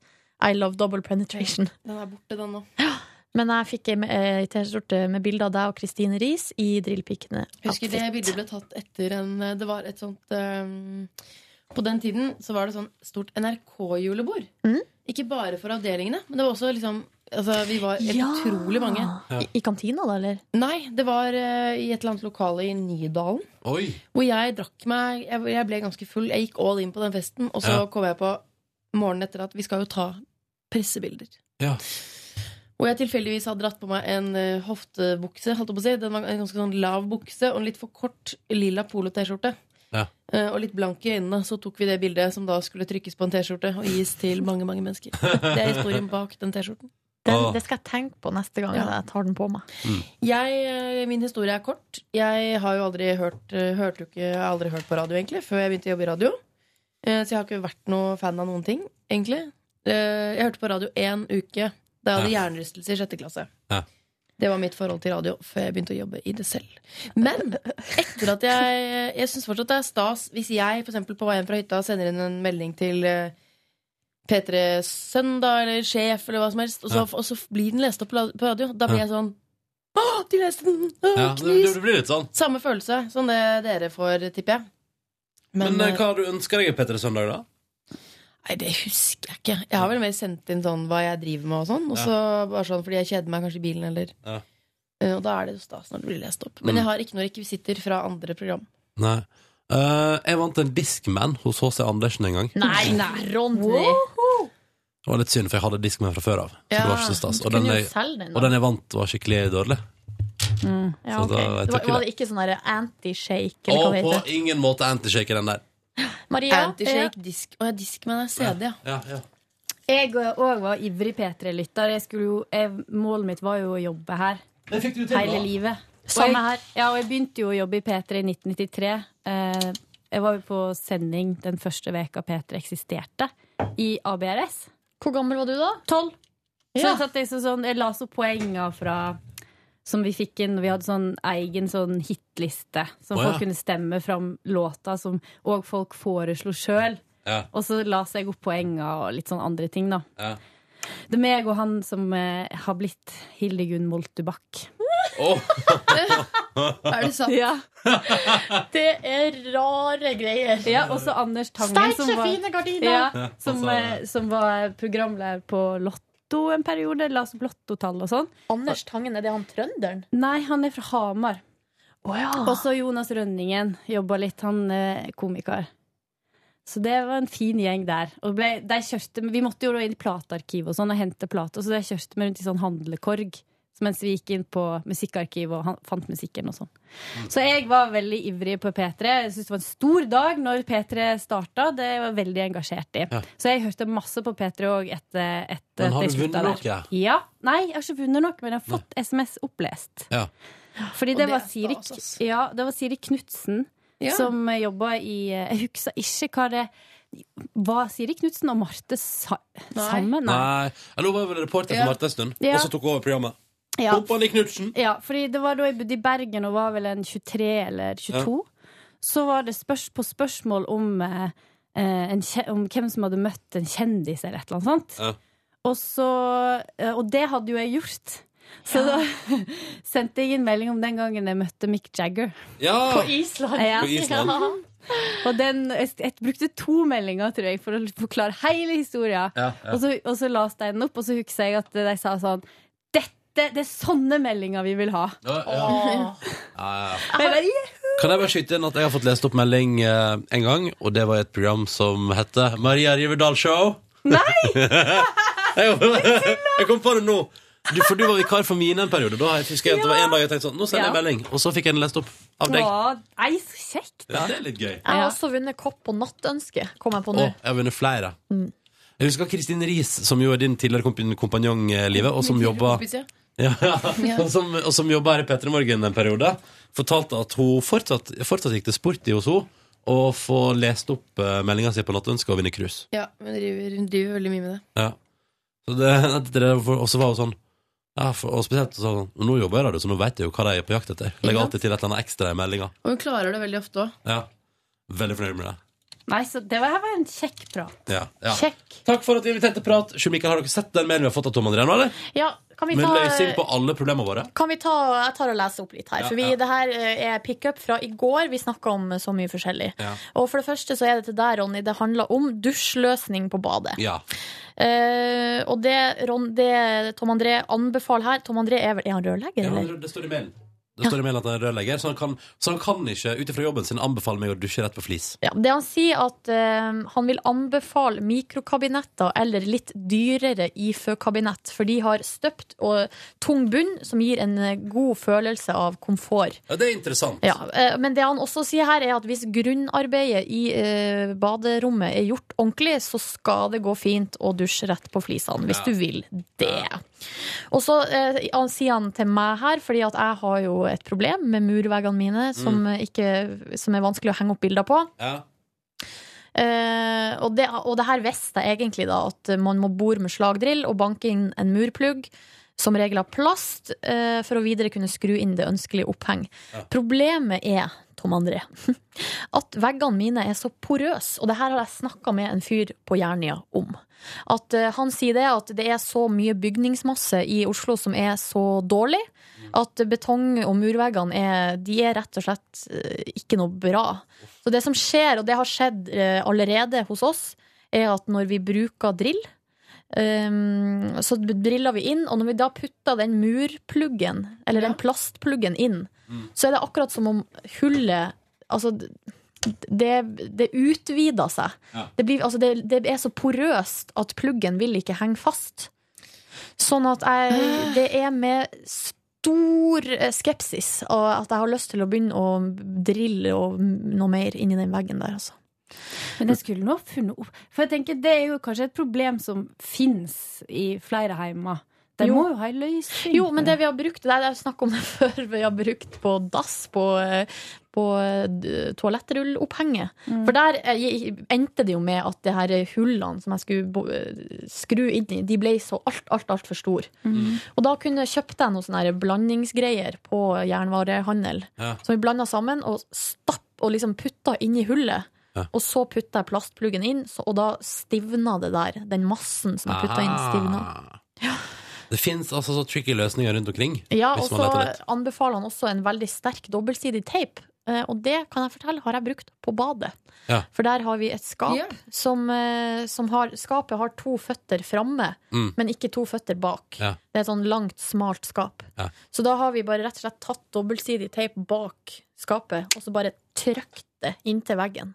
Smarte løsninger hjemme på Galgeberg, skjønner jeg. Ja, og det er for å slippe å drive og bore i flisene på badet der, for det eh, var han pappa veldig skeptisk til. Mm. For det er vel sikkert lagt noe sånn membran eller Membran. noe under der. Mm. I våtrommet. Ikke sant. Jeg eh, Sånn nå det. Min gode venn Kristoffer driver jo og styrer med noe Han har jo kjøpt Han er jo i serien av kompiser som har kjøpt leilighet omtrent i, i samme nabolag som meg. Sliter med sånn at Der har det vært sånn Jeg har byttet radiator, han har fått sånn fuktskade og sånn. Nei. Og så får jeg angst. Men nå er det bare en måned til jeg flytter inn, gitt. Å, herregud, dere. Det blir Ja, spennende. veldig. Men har du, ja, har du begynt å pakke? Jeg har kjøpt eh, pakkeeske på Claes Olsson. Det som er veldig lurt, er jo å ikke, altså, ikke pakke med deg dritten du ikke skal videre. Det er nå du skal rydde opp, men det har du skjønt, ikke sant? Ja, det har jeg skjønt. Mm. Eh, men jeg tenker jeg skulle begynne, jeg begynner rolig. Begynne med DVD-er, bøker, CD-er. Ja, smart. Sånn som, jeg har et spørsmål. DVD-er. Mm. Trenger jeg egentlig? Det, det, Fin pynt. det vi har gjort For Tore hadde veldig mye DVD-er. Mm. Og du bare 'Ikke snakk mot esken i huset Vi kjøpte sånne digre mapper. Så putter du bare CD-ene inni oh, ja. der. Ja. Så du, du trenger ikke å ha 1000 DVD-cover. Oh, ja. Putter det i mapper, og så, stu, altså, så har du de et sted. Sånne store, du vet, sånn gamle, god gammeldags CD-mappe. Ja, ja. Men oh, ja. sånne, en sånn diger jævel. Hva gjorde dere med casen? Altså case rundt? Kasta de. Ja. Mm. Eller jeg mener, vi resirkulerte de. Kjempebra. Så nå, det ble helt nydelig. Det er kjøkkenet vårt, det, den dagen. Det er DVD, de gamle DVD. Vi har to uh, gigantiske esker nede i kjelleren med DVD-ene. Og eh, med jevne mellomrom så er kjæresten min der nede og graver og roter og henter opp. Så nå eh, ligger det og slenger i stua. Ja.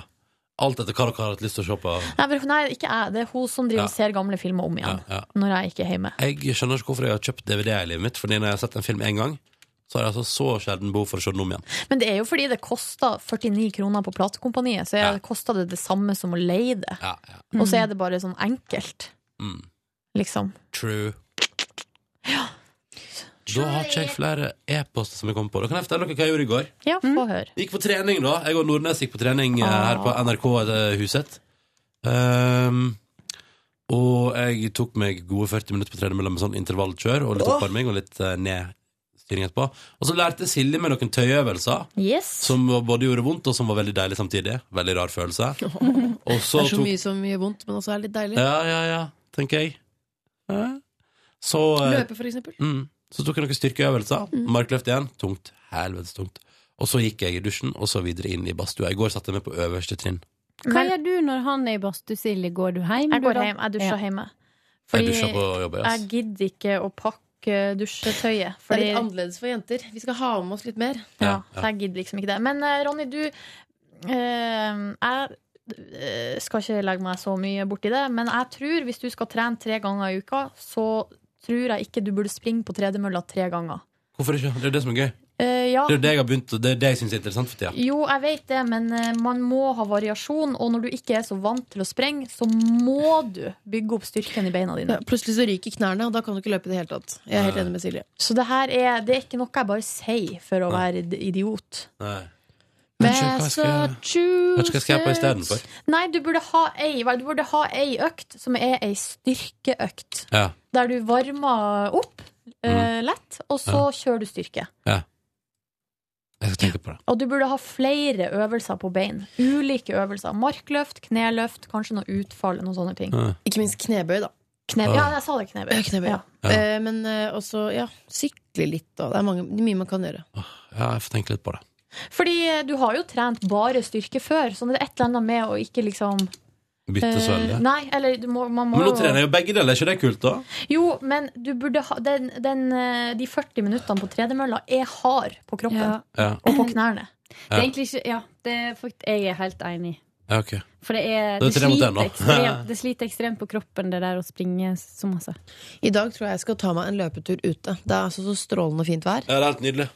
Eh, er det kaldt? Ja, det er kaldt. Jeg syns det er så vanskelig å sprenge ute, for at det jeg ikke klarer, er den der eh, Altså, jeg føler når du sprenger på mølla, så er den der eh, Når du har klokka foran deg, og Ja. du ser hvor fort du sprenger, så er det så tydelig motivasjon. det er jo derfor jeg har begynt å gjøre det. Fordi jeg synes den motivasjonen er fin. Men jeg føler at det er, eh, det er på en måte Det er fint å løpe inne, men det er sånn mye sunnere å løpe ute. Ja, Så får du frisk luft, og så får du den der litt opp, litt ned, litt bort. Men finner du et sted der det ikke er asfalt? Fordi det, det tåler ikke knærne mine. Rett ved meg så er det en runde, det vil si rundt Valle Hovin der, så kan man løpe. Der er det jo asfaltert eh, gangvei. Men så er det folk som jogger der så mye at det er blitt en liten sti. Ja, Så der kan jeg løpe store deler av turen eh, kun, altså ikke på asfalt. Men i dag har jeg lyst til å driste meg opp til stedet som kalles Sognsvann i Oslo. Åh, Få på noe tilfeldig sex og en liten joggetur. What a Friday! Så deilig med litt casual eh, Det er bare å gå inn i skogen, eh, finne en kondom i en eller annen fuglekasse, og så bare kjøre på, ass. Det er fredagsfølelse, det. Hæ? Vet du, Er det noe jeg ikke tror jeg kommer til å gjøre i livet mitt, så er det å fære å ha sex med fremmede i skogen. Sånn tilfelle. Det er ikke min stil, altså. Nei, ja, heller ikke Det jeg det. lurer Nei, på, når de gjør det Det ligger forresten en veldig bra dokumentar som en som heter Ludvig har laget i P3. Som ligger på, går inn på P3 nå. Å ja, det? handler om jakten på hiv. Ja, stemmer. Hvor uh, jeg tror han har vært med faktisk en fyr inn i skogen, og det er noe tilfeldig sex og sånn. Det jeg lurer på er sånn, Du står inn i skauen, så kommer det, kommer det en fyr. Dette er jo da menn, eh, menn imellom, ikke sant? Mm. Men så tenker du da ikke tenne på han. Kan man, kan man, kan man avvise Ja, de hvordan- tilbudene ja. som kommer? Hvordan er de sosiale kodene? Ja. Jeg tror, jeg, jeg tror at idet du går ut i skogen her for å ha deg, så tar du på en måte det som kommer rekende. Mm. Ja, det er jo så trist. Men det som jeg syns er artig med altså, Da jeg var singel uh, Nå har ikke jeg vært eh, singel og åpen eh, ute av skapet så veldig lenge, så jeg har ikke played the field så veldig mye. Men det som jeg syns er liksom det artige med å Det er jo den der flørten, opptakten. Eh, Man prater Ja. litt. Hva, ligger det noe i lufta her? Et lite smil, et, litt, et blikk som varer litt lenger. Ja, skal vi nachspiel hjemme hos deg? Altså, det er jo det som er artig. Jo, men nå snakker jo du litt Nå er vi litt mer liksom, Ja, for da er du jo på one night stand. Nei, men du er jo på, du er jo på en måte Det er jo off, kan jo være one ja, night ja, stand. men jeg, altså, Dette tror jeg er en annen form for liksom, Dette er bare sånn Dette er en fetisj. Akkurat Ja. som jeg foretrekker eh, Kan du være så snill å piske meg? Det er også noe man foretrekker. Ja. Du blir Um, kanskje litt tent av det at du bare skal ut i skogen Ja, ja. og ikke helt vet hva som møter Men deg. hva, hva skjer hvis det kommer to receivers? Ja, da må vel noen bare ta den andre rolla, da. Men vet du hva, jeg tror ikke det der med giver og receiver er så institusjonalisert som man vil ha det til. Nei. Det er vel ikke sånn at man liksom har i, på, i passet sitt liksom giver. Det, tror jeg. Det, står er rett under høyde og øyefarge. Mm. opplest og vedtatt. Ja. I'm a giver. Ja. Det tror jeg ikke. Men det, det her vet jeg ikke så mye Nei, om. så Altså. kan det ikke være sånn at i et, uh, i et uh, forhold med, mellom to menn, så er det sånn Nei, vi har vært sammen i 15 år, og jeg har bare fått i 15 år. Det Nei, ja, nei, det tror jeg ikke. Heller. Eventuelt så får jeg jo bare gjøre det to ganger, da. Og så Ja. rolle. Ja. Det er jo en Sånn, løsning. Hva gjør du da Jordala-løsninga der. Ja, det er jo Oppe i skogen Det er slitsomt ass, hver gang liksom, man skal bare jeg tar oss en kjapp en, så må du alltid etterpå liksom. Ok, da var Og det det er jo et eller annet med at han som har allerede kommet, da blir det litt sånn Ja, men det, det, det, er liksom, det må gå, gå løs på en ny runde rett Ja. etterpå. Det er, eh, da, da, det, er de, da, det er de dagene man har veldig overskudd. Så egentlig så har man bare lyst til å legge seg ned i lyngen og ta seg en sigg Ja, ja, ja. slappe av, liksom. Klare og tydelige radiobilder der fra Silje Nordnes. Det er jo et kommentarfelt under denne dokumentaren som er av det mørke slaget. Ja, jeg så, at, jeg så at du fikk SMS eller mail om det, Silje. Ja. Men Spørsmål hva du syns. Er det Nei, homohets? eh, ja, det er ganske heftig. Men poenget er at jeg for min del Så denne dokumentaren jo, den handler om hovedsakelig eh, Altså det er menn som har sex med menn, men jeg føler ikke nødvendigvis at det har så veldig mye med homofili å gjøre. Det har i hvert fall ingenting med meg å gjøre. Nei. Fordi det er jo ikke sånn at jeg i hvert fall driver ikke og sprenger opp rundt på, Sognsvann og eh, har eh, sex med fremmede folk. Det Fordi det er ganske mange, tror jeg, av de som drar og sprenger opp i skogen og har sånn der type sex, som ikke er De identifiserer ikke seg sjøl som homofil. De lever ikke i homofile samliv. De er bare på jakt etter litt Eh, eventyr i skogen. Ja. Så derfor så eh, tar jeg meg ikke nær av de der Men vi eh, kan jo anbefale dokumentaren. P3NO Dokumentar. Gå og sjekk ut. Eh, Etter at jeg da hadde vært eh, på trening og tatt meg en dusj og kommet meg eh, på vei hjemover i går, så var jeg innom min lokale butikk og kjøpte følgende. eh, Mandler med yoghurttrekk og en eh, sånn Hva heter det, hva heter det fine, gode vannet? Kulturvannet? Pellegrino. Kjøpte det eh, på min lokale sjappe på hjørnet. Og så, traska jeg hjem. så ringte min gode venn Ingve og sa hei, skal du være med og spise middag og drikke øl? Og sa at ja, vet du hva, fader eller, jeg er med på det. Så da gjorde jeg helomvending, satte fram yoghurtnøttene hjemme. Og hjemme bortover mot det hippe og trendy stedet i Oslo som kalles for Grünerløkka. Et av verdens ti beste nabolag ifølge National Geographic. Er det sant? Ja, det er kåra. Så alle jeg kjenner som bor der borte, har jo posta bilde av det. Er det sant? Det visste Ja. jeg ikke. I med, det er sånn område som har vært dritt, og som har blitt bedre. Um, Ja, sånn, ja. Så jeg spiste en eh, tacorett med mye Den var den tacorett som inneholdt uh, biffkjøtt med bacon og ost. Så det tok jeg. Og så masse sånn guacamoles og salsas og spicy tomatoes og det var masse og tortillas. Oh, godt. Så jeg kasta med det og noen øl, og så endte jeg opp på en quiz der jeg eide gjett låta fra 80-tallet. Var god i det, følte meg eh, bra. Og så spaserte jeg hjemover.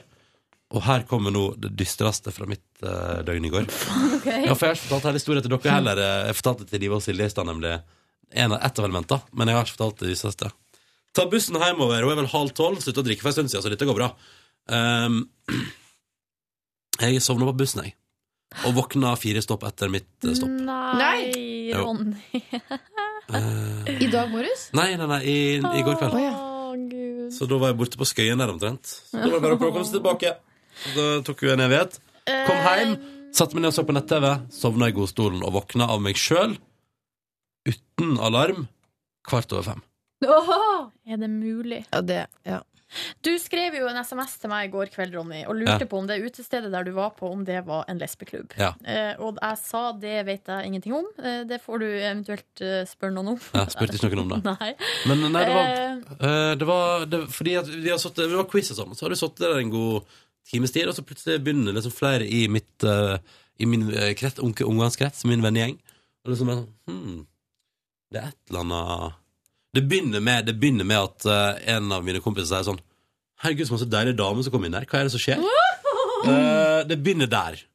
Og så går vi videre, og så ble det en sånn stor diskusjon. Er dette her en lesbeplass? Hva er det vi er med på? Hva er det, hva er det som skjer her? Uh, og så kom vi vel aldri til bunns i det, utenom at uh, alle var helt Jeg la ikke meg så mye opp i den diskusjonen, men alle andre var veldig skråsikre på at nå er vi på en lesbeplass. Det er iallfall et eller annet lesbekonsept der. Skal jeg hjelpe dere å komme til bunns i det? Fordi nå har jeg googla litt og sett litt her og funnet ut at den quizen som var på det utestedet i går kveld, Ja. ble hosta av to jenter som jeg kjenner godt igjen fra det såkalte miljøet. Aha! Så det er derfor. De to kjører quiz, og så inviterer de alle vennene sine. Det Ja. er vel det det handler om. Ja. Så stedet i seg sjøl er ikke en lesbeklubb. Nei, men da er jeg med. Så det er lesbequiz. Jeg, jeg var, jeg, Nei, jeg tror jeg ikke, var jeg tror ikke man skal Det er en musikkquiz Ja, drevet var- av to skeive damer. Så jeg var awesome på lesbemusikkquiz i går. OK, vi, la, vi sier det sånn. Nå er jo ikke det en helt uh, sære Altså, uh, lesbequiz sånn, Rart det ikke var noe Lady Gaga. det, er, det er jo ikke en veldig sær kultur. Den, eh, den er ganske lik den heterofile kulturen. Så det svaret på noen spørsmål skulle ikke være så innmari vanskelig. Jeg, jeg var mest, mest fornøyd med, kanskje? At uh, I Wanna Dance With Somebody og Whitney Houston var oversatt til norsk, kun verset. Og jeg naila det. Men du er jo veldig god på musikk, Ronny. Det var, det var oversatt Altså, jeg vil, jeg vil danse med noen. Nei, det, det var verset. Altså verset. Og jeg tok det på Jeg tok det på når hun sa Og når natten faller på. Jeg bare ah, When the night falls My lonely heart calls men det fader, du er god på lesbereferanser, altså. Ja, det er jeg. Det er jeg. Uh, nei, men så det var konge. Bra på quiz. Gikk videre til en annen plass og tok ei øl til. Før jeg hjem. Prata om laust og fast. Kristoffer prater om denne leiligheten sin. Ingve prater om at han driver og ser på sofa til sin leilighet. Og jeg tenker sånn hm, Jeg har ikke gjort noen av delene. Du har jo tenkt veldig mye, da. Ja, men Og så har du kjøpt sånne esker på Claes Masse Olsson. poeng for å tenke. Masse, masse poeng for det. Det er ingenting konkret. Dere andre, da? Du, I går så var jeg jo på den der eh, treninga sammen med deg, og jeg sprang intervall. Det var hardt, tungt. Mm -hmm. men det var koselig å være der sammen med deg, det må jeg nå bare si. Vi sprang ved siden av hverandre og greier. Ja. Jeg er på den bråkete, ustabile mølla. Og Ja. på helt vanlig. De møllene, det er ikke noe å skryte av, oss. Nei, de er ikke det. Men uh, Nei, jeg syns de er fine. De fleste er fine. Ja, ok. Nei.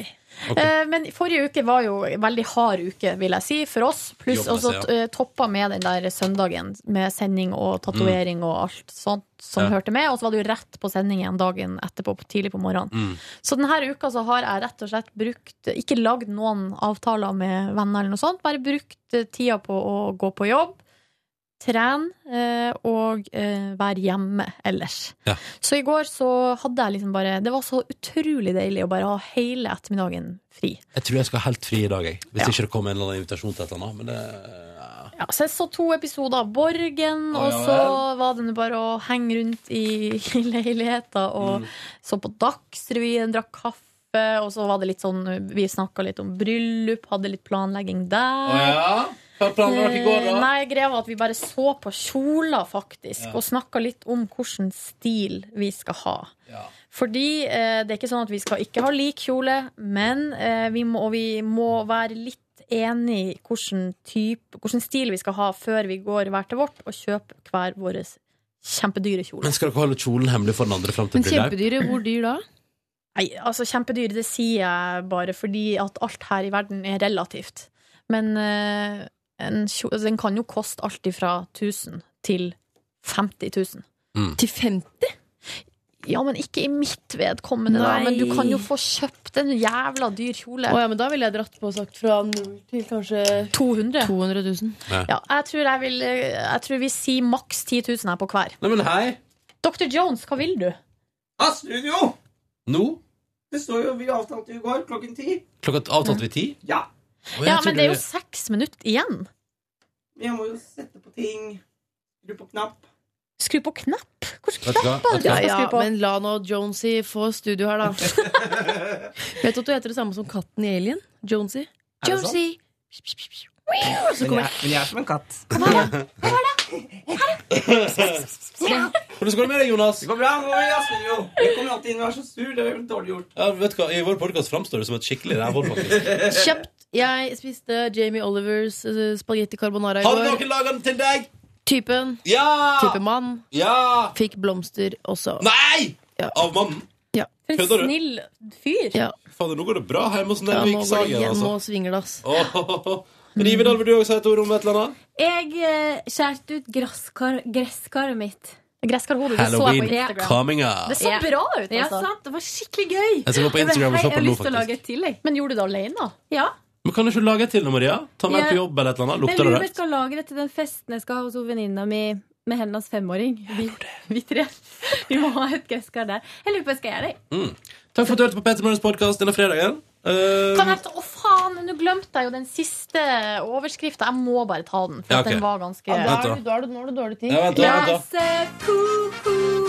That's way too many case. Faen, jeg må bare refresh innboksen på mobilen min, for jeg har lukka hele datasystemet. Ok. Ah, Massachusetts Vi gjentar. Ja, faen, jeg finner det ikke. Den, tar det men, på eh, mandag! Eh, Overskrifta var noe sånn Stein prest Du, vent, vent, vent, eh, vent, vent. Vil du ikke spare den til mandag og lese den riktig? Vi tar det på mandag. Vi tar det Silje. på mandag til, ja. Så blir det en teaser, ikke sant? Ja. Følg med på mandag. Følg med mandag. Kommer til å glemme det. Jo, Ha det bra! Ha det!